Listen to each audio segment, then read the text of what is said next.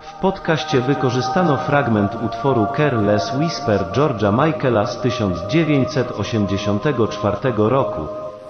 Udostępnienie odbyło się na mocy prawa cytatu, o którym mowa w artykule 29 ustawy o prawie autorskim. To historia jakich wiele. Przystojny artysta po trzydziestce i skromna, nieśmiała studentka malarstwa. On zaprasza ją do swojej pracowni i prosi, by mu pozowała. Ona zgadza się, choć doskonale zdaje sobie sprawę, że malarz ma na swoim sumieniu niejedno złamane kobiece serce, a także niejedną skradzioną cnotę. I gdy w końcu czarujący artysta pokazuje młodej modelce skończony portret, dziewczyna zastyga w przerażeniu. Z obrazu patrzą na nią puste oczodoły, rodem z horroru.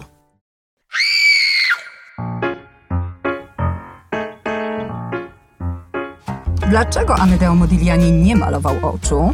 Czy Jeanne Ebutern była podobna do kokosa? I czym różni się dzisiejszy absynt od tego, którym raczyła się paryska bohema? O tym wszystkim opowiem już za moment. Nazywam się Agnieszka Kijas i jestem krytykiem sztuki, a wysłuchacie jubileuszowego podcastu z serii Dawno temu w sztuce. Czyli wszystko, co chcesz wiedzieć o malarstwie, ale bez nadęcia. Dzień, dobry wieczór, bo tak naprawdę nie mam pojęcia o jakiej porze słuchacie tego podcastu. Rano, wieczór, we dnie, w nocy, ale wiem jedno. Ten dzisiejszy odcinek, odcinek, w którym nieco przybliżę Wam postać malarza Amedeo Modiglianiego, jest wyjątkowy. Tak, mamy urodziny i to pierwsze urodziny dawno temu w sztuce. A to oznacza, kochani, że minął rok. Minął rok, odkąd chwyciłam za mikrofon, weszłam do mojej szafy i zaczęłam nagrywać dla Was malarskie podcasty. I wiecie co? Ja doskonale pamiętam, jak to było. Przyszła pandemia, odwołano wszystkie moje spotkania, jakie dla Was na żywo prowadziłam i wtedy, gdy siedziałam w domu, to przypomniałam sobie, że moja koleżanka, swoją drogą tą koleżanką jest malarka Anita Siuda, którą z tego miejsca bardzo serdecznie pozdrawiam, powiedziała mi o podcastach. Zatem gdyby nie Anita, nie byłoby tych podcastów, bo ja w ogóle nie wiedziałam, co to jest podcast.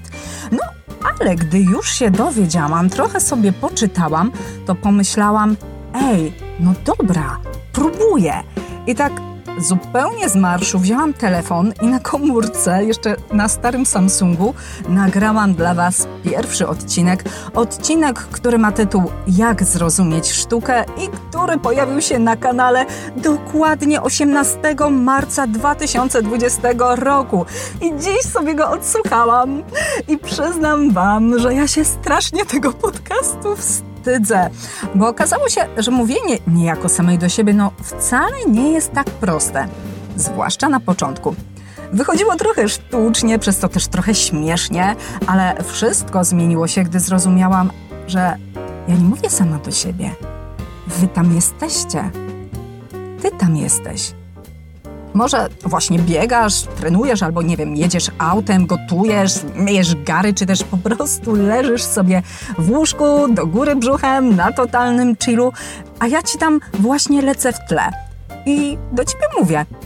I właśnie za to chcę Ci teraz bardzo, bardzo podziękować, za to, że spędzasz ze mną czas, że odpalasz te podcasty i po prostu słuchasz. To jest dla mnie bardzo ważne. Serio, to ogromnie dużo znaczy i najbardziej niesamowite jest to, moja droga słuchaczko i mój drogi słuchaczu, że choć zupełnie się nie znamy, choć się nie widzimy, to kiedy siedzę w tej szafie, lubię sobie wyobrażać, że jesteś naprzeciwko mnie, a ja patrzę ci głęboko w oczy. No, bo mówi się, że oczy są zwierciadłem duszy. Ale okazuje się, że nie tylko. Otóż pewnie nieraz widzieliście w telewizji, kiedy na przykład oskarżonym o jakieś przestępstwo osobom zasłaniano oczy takim czarnym paskiem. No jak myślicie dlaczego? A? Bo właśnie oczy w dużej mierze odpowiadają za identyfikację człowieka. Wystarczy je zasłonić, od, nałożyć ciemne okulary przeciwsłoneczne i już może pojawić się problem z rozpoznaniem nawet kogoś bliskiego. Z tego powodu dla malarza oczy są kluczowe, bo świadczą o podobieństwie. A Amedeo Modigliani ich nie malował i to było coś wstrząsającego, bo z jego portretów patrzą na nas ślepe modelki. Ich oczy są inne, jednobarwne, zupełnie niezgodne z anatomią. Takie puste oczodoły rodem z horroru. Ale po chwili okazuje się, że właśnie te migdałowate, pozbawione tęczówek i źrenic oczy pokazują nam całą prawdę o pozującej osobie.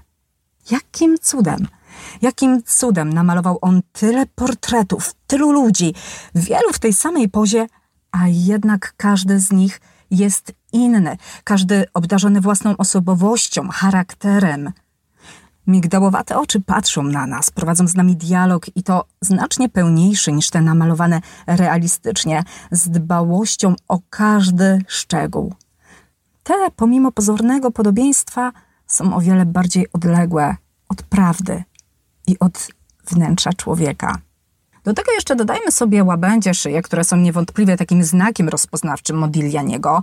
Dodajmy do tego jeszcze takie wydłużone dłonie, wydłużone palce. No i mamy już cechy charakterystyczne stylu tego artysty. Co ważne, Modigliani nie przekracza tutaj granicy kiczu, nie wchodzi w jakąś przestylizowaną estetykę. My ciągle jesteśmy w sztuce i to bardzo mocno. Ale dlaczego? Dlaczego Modigliani nie malował oczu? I to samo pytanie zadała mu Jeanne Ebutern, młoda studentka, która pozowała artyście do jednego z jego portretów. I wiecie, co on jej odpowiedział? Odpowiedział jej tak. Gdy poznam Twoją duszę, namaluję Twoje oczy. No i od tych słów zaczęła się jedna z najpiękniejszych i zarazem najtragiczniejszych miłości wszechczasów. A opowiadam ją Wam dzisiaj na życzenie trzech słuchaczek: Agaty Łankowskiej, Magdaleny Juraszewskiej oraz Anny Sadowskiej z kanału Zaczytana Kreatywna, na który Was oczywiście serdecznie odsyłam, bo ja śledzę Annę na Insta. Każda z tych dziewczyn zupełnie niezależnie, odrębnie wysłała zgłoszenie na mój facebookowy fanpage dawno temu w sztuce lub też na Insta z prośbą, by nagrać podcast właśnie o Modiglianim. A skoro aż trzy dziewczyny zawnioskowały o tego przystojniaka, ot i proszę bardzo, tadam, jest im Modigliani. A skoro Modigliani, to Jean Ebutern. I tu trzeba uczciwie przyznać, że Jeanne nie należała do kobiet, na widok których mężczyźni tracą zmysły, choć bez wątpienia mogła się podobać. Jej ogromnym atutem były długie włosy, spływały one na jej plecy, na ramiona, no więc wyglądała naprawdę zjawiskowo, ale sama była, no, mało mówna, raczej cicha i taka dość nijaka. Przynajmniej w ten sposób odbierali ją znajomi Modiglianiego. Tylko ja się tak zastanawiam, czy to możliwe, że kobieta, która sprzeciwiła się rodzinie, by zamieszkać u boku czołowego awanturnika paryskiej bohemy, mogła mieć aż tak mizerną osobowość? No właśnie nie. W gruncie rzeczy Jeanne to była bardzo ciekawa i intrygująca dziewczyna, bo z jednej strony ona uwielbiała chodzić na imprezy, uwielbiała się bawić, przebywać wśród ludzi, śmiać się z ich dowcipów, z tym, że sama siedziała cicho jak mysz pod miotłą, normalnie ani me, ani B, taka mimoza. Dlatego tak trudno było ją rozgryźć. Niby uchodziła za nieśmiałą, ale wystarczy spojrzeć na jej zdjęcia, by zrozumieć, że ta dziewczyna patrzy na nas zdecydowanym i pewnym wzrokiem. A? Jeanne pochodziła z tak zwanego dobrego domu, a jej rodzice, kiedy dowiedzieli się, że ich ukochana córka związała się z o 14 lat starszym żydowskim malarzynom, no to załamali ręce. To był straszny cios, zwłaszcza, że Buternowie należeli do paryskiej elity. Byli gorliwymi katolikami, a tu, proszę, a kuku, Żyd. W dodatku wybranek córki był pijakiem, był narkomanem, rozpustnikiem i hulaką bez grosza przy duszy. A jednak ta rzekomo nieśmiała dziewczyna podjęła decyzję, która raz na zawsze zmieniła jej życie. Spakowała manatki i zamieszkała z Modiglianim w małym studio na poddaszu, które mieściło się na słynnym paryskim wzgórzu Montmartre. Montmartre był mekką artystów i nawet dziś, kiedy się tam wkracza, to można odnieść wrażenie, że to już nie jest Paryż, że to jest jakiś zupełnie inny świat. Świat, do którego ciągnęli pisarze, malarze, do którego ciągnęli też muzycy, a to głównie z powodu, i tutaj tam dardam, niskich cen najmu. Bo Montmartre był dzielnicą biedoty. W efekcie dochodziło do takich paradoksów, do takich kontrastów, że wykształceni intelektualiści mieszkali drzwi w drzwi z alkoholikami, prostytutkami, menelami, z osiłkami, którzy byli gotowi dać ci w zęby za byle co, z kieszonkowcami. Tak to się tam wszystko mieszało. I właśnie na tym Montmartre, na tym słynnym wzgórzu, mieściło się również studio Modiego, bo taki przydomek nadali malarzowi kumple z artystycznego środowiska. To studio w ogóle było totalnie odjechane i jeden ze znajomych malarza opisał je tak. Z ulicy można było dostrzec coś na kształt szklarni na kwiaty albo szklanej klatki usytuowanej u samego szczytu muru, podczas gdy w głębi znajdował się niewielkich rozmiarów ogródek. To maciupkie, ale przyjemne, z dwóch stron całkowicie przeszklone atelier. Tam właśnie powstał portret Żany, na którym ma ona w miejscu oczu te przerażające i puste oczodoły. I tam właśnie Modigliani wypowiedział te niezwykle romantyczne słowa. Gdy poznam twoją duszę, namaluję twoje oczy. No taka szelma z niego była. A skoro już o szelmie mowa, to moi drodzy, oznaczać to może tylko jedno. A mianowicie przyszła pora na Słownik wyrazów wskrzeszonych. Niewtajemniczonym? Już wyjaśniam, co to takiego. Mówi się, że język jest żywy, ale jednocześnie życie słowa nie jest łatwe. Wygrywa ten wyraz, który jest w użyciu, a pozostałe po prostu wypadają z gry. Na szczęście da się je uratować, bo wystarczy tylko, że zaczniemy wprowadzać je do naszych codziennych rozmów i ja uważam, że ej, słów nie można dyskryminować ze względu na wiek. Na przykład serwus. No przecież to brzmi zdecydowanie lepiej niż cześć. Serwus, po prostu serwus. Dlatego tutaj postanowiłam, że będziemy wskrzeszać razem wyrazy i ostatnio takim słowem był urwipołeć, którego użyłam, gdy opowiadałam wam o kossaku, a teraz posłuchajcie, jak wy go ochrzciliście. Wasze propozycje to gałgan, mm, birband, ancymon, był też gagatek, hulaka, łobuziak, no łobuziak to już chyba tak nawet używamy i, tutaj uwaga, bo to mi się szalenie podoba, Ochyntol. Chyba dobrze to wymawiam. Ochyntol. To jest bodajże po śląsku. Ale i tak najbardziej spodobał mi się niecnota. No, bo słuchajcie, jak to fantastycznie brzmi. Niecnota jeden. Ty niecnoto. O, i był jeszcze ladaco. Ja zupełnie zapomniałam, że taki wyraz jak radaco istnieje i tak się uśmiałam, kiedy go przeczytałam, że hej, te wszystkie wyrazy zamieściłam już na Insta i na FB, gdzie Was oczywiście serdecznie zapraszam, a dzisiaj proponuję, żebyśmy wskrzesili sobie kolejny wyraz i jest nim właśnie szelma.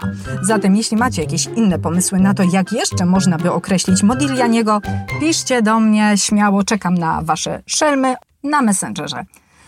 No dobrze, ale dlaczego mówię, że z Modiego była szelma? Wiecie co?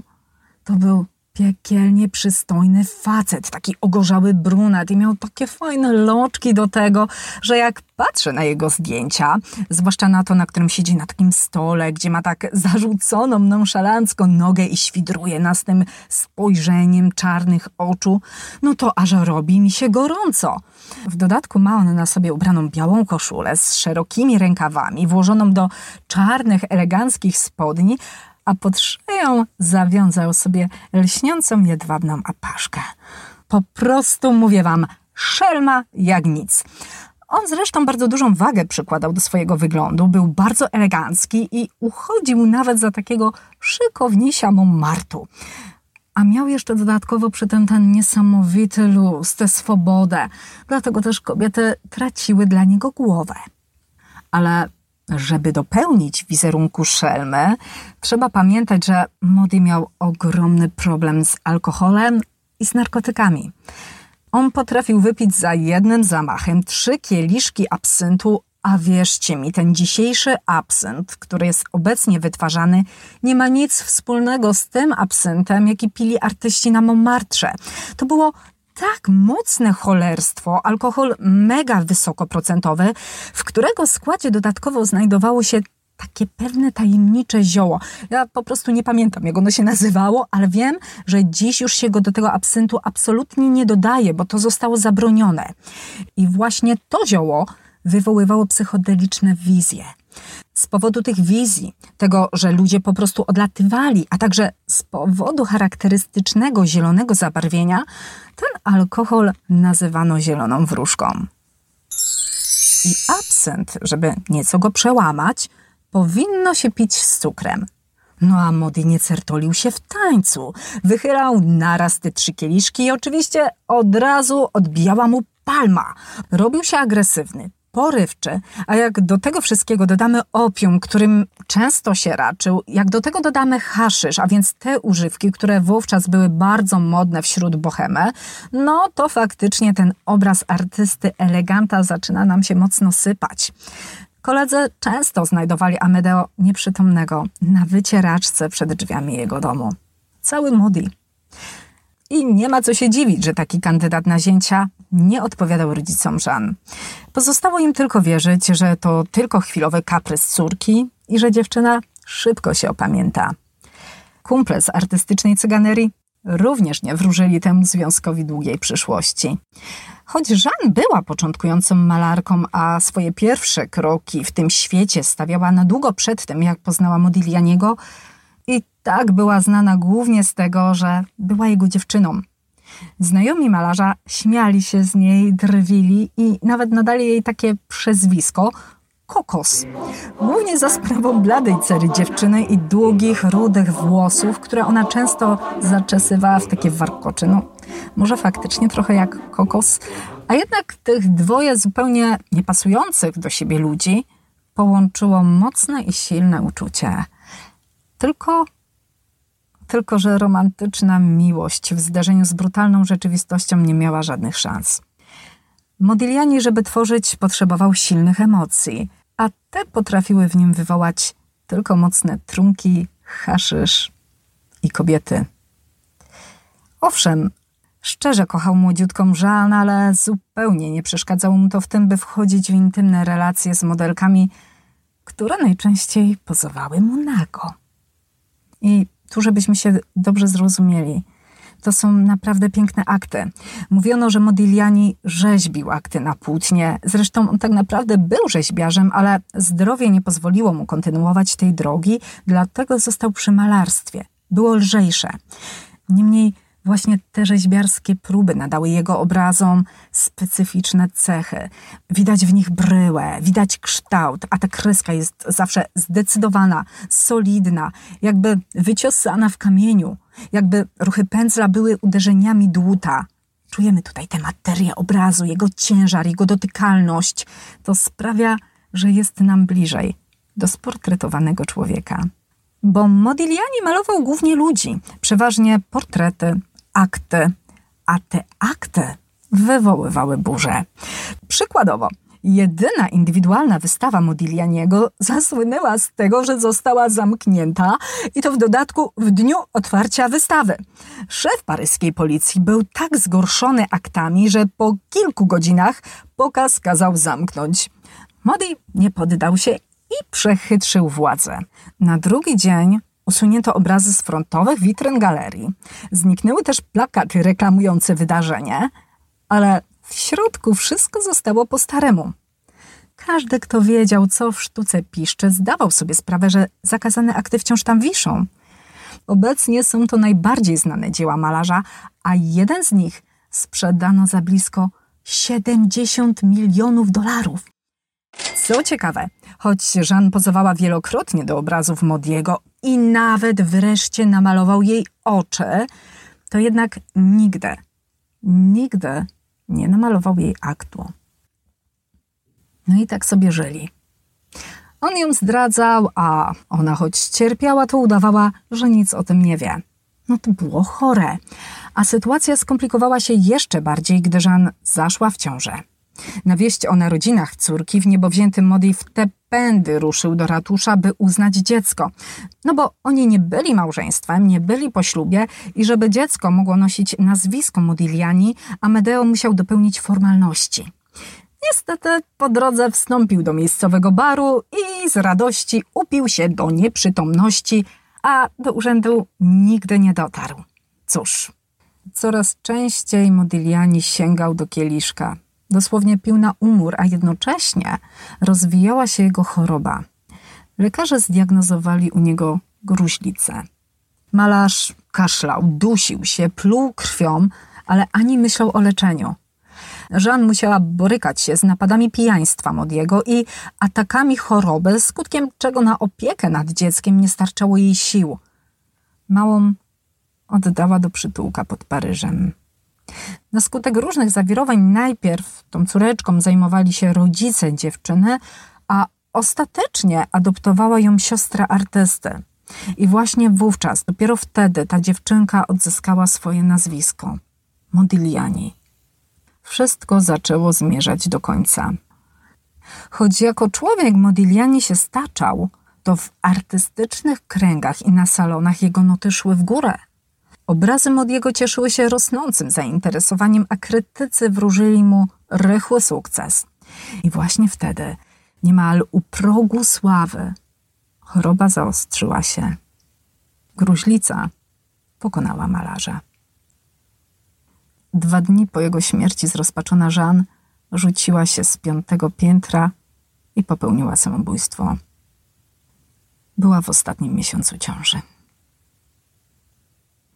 Modiglianiego pochowano z pompą, żegnały go tłumy, podczas gdy Jeanne złożono w anonimowym grobie. Jej rodzina usiłowała ukryć tajemnicę śmierci córki. Dopiero po ośmiu latach przeniesiono ciało Jeanne i jej nienarodzonego dziecka do grobu Modiglianiego. Znów byli razem. Gdy poznam Twoją duszę, namaluję Twoje oczy. Hmm, ale nam się ach, nostalgicznie zrobiło w ten jubileusz, co? A jeśli macie ochotę pozostać jeszcze w tym takim romantycznym, parysko-malarskim nastroju, to polecam Wam film Modigliani, Pasja Tworzenia, gdzie w rolę malarza wciela się Andy Garcia i naprawdę fajnie go zagrał. Co prawda ten film ma się do biografii artysty jak pięść do nosa, bo tam ogrom rzeczy się nie zgadza. Na przykład nigdy nie było takiego sporu pomiędzy Modim a Picassem, a tu stanowi on główną oś fabuły, ale uważam, że i tak warto go zobaczyć, bo w końcu Modigliani to Modigliani. I przypomnę, że opowiadałam o nim dzisiaj na życzenie trzech słuchaczek: Agaty Łankowskiej, Magdaleny Juraszewskiej i Anny Sadowskiej. Dziewczyny, pozdrawiam Was bardzo serdecznie. Dodam, że na Wasze zgłoszenia tematów do kolejnych podcastów czekam na moim facebookowym fanpage'u, dawno temu w sztuce lub też na Insta, zatem piszcie śmiało, no i wysyłajcie mi tam te Wasze szelmy. Czekam na nie z utęsknieniem.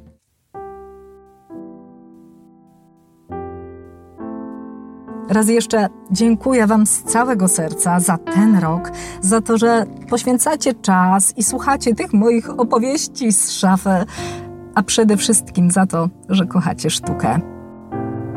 A na finał już tak tradycyjnie zagra dla Was oczywiście Hania Derej, młoda kompozytorka z Tychów, ale nim zagra, to jeszcze ma nam coś do powiedzenia. Na okoliczność pierwszego roku podcastów z cyklu Dawno temu w sztuce chciałabym powiedzieć, że bardzo się cieszę, że moja muzyka mogła być ich częścią i muzycznym uzupełnieniem. Pamiętam, kiedy pierwszy raz zagrałam na czwartkach z paletą. Gdy Agnieszka zaczęła opowiadać o malarstwie, ja zaczęłam cichutko improwizować na pianinie do listów i wyświetlanych w tle obrazów. Ktoś mi kiedyś powiedział, że gram muzykę ilustracyjną, że moja muzyka w pewnym sensie to takie malowanie dźwiękiem. I chyba rzeczywiście tak jest. korzystając z okazji, chciałabym podziękować za słuchanie podcastów Agnieszki z moim małym muzycznym udziałem. Przede wszystkim za życzliwe słowa i wyrazy sympatii. Jak przystało na podcast, tą drogą przesyłam podziękowania dla Ciebie, Agnieszko, i wszystkich słuchaczy. Serdeczne pozdrowienia i do usłyszenia. To ja teraz już mogę tylko zamknąć oczy i dam się porwać Hani do świata, jaki wyczarowuje dla nas ze swoich dźwięków. Do usłyszenia. Mówiła dla Was Agnieszka Kijas. Krytyk z sercem do sztuki.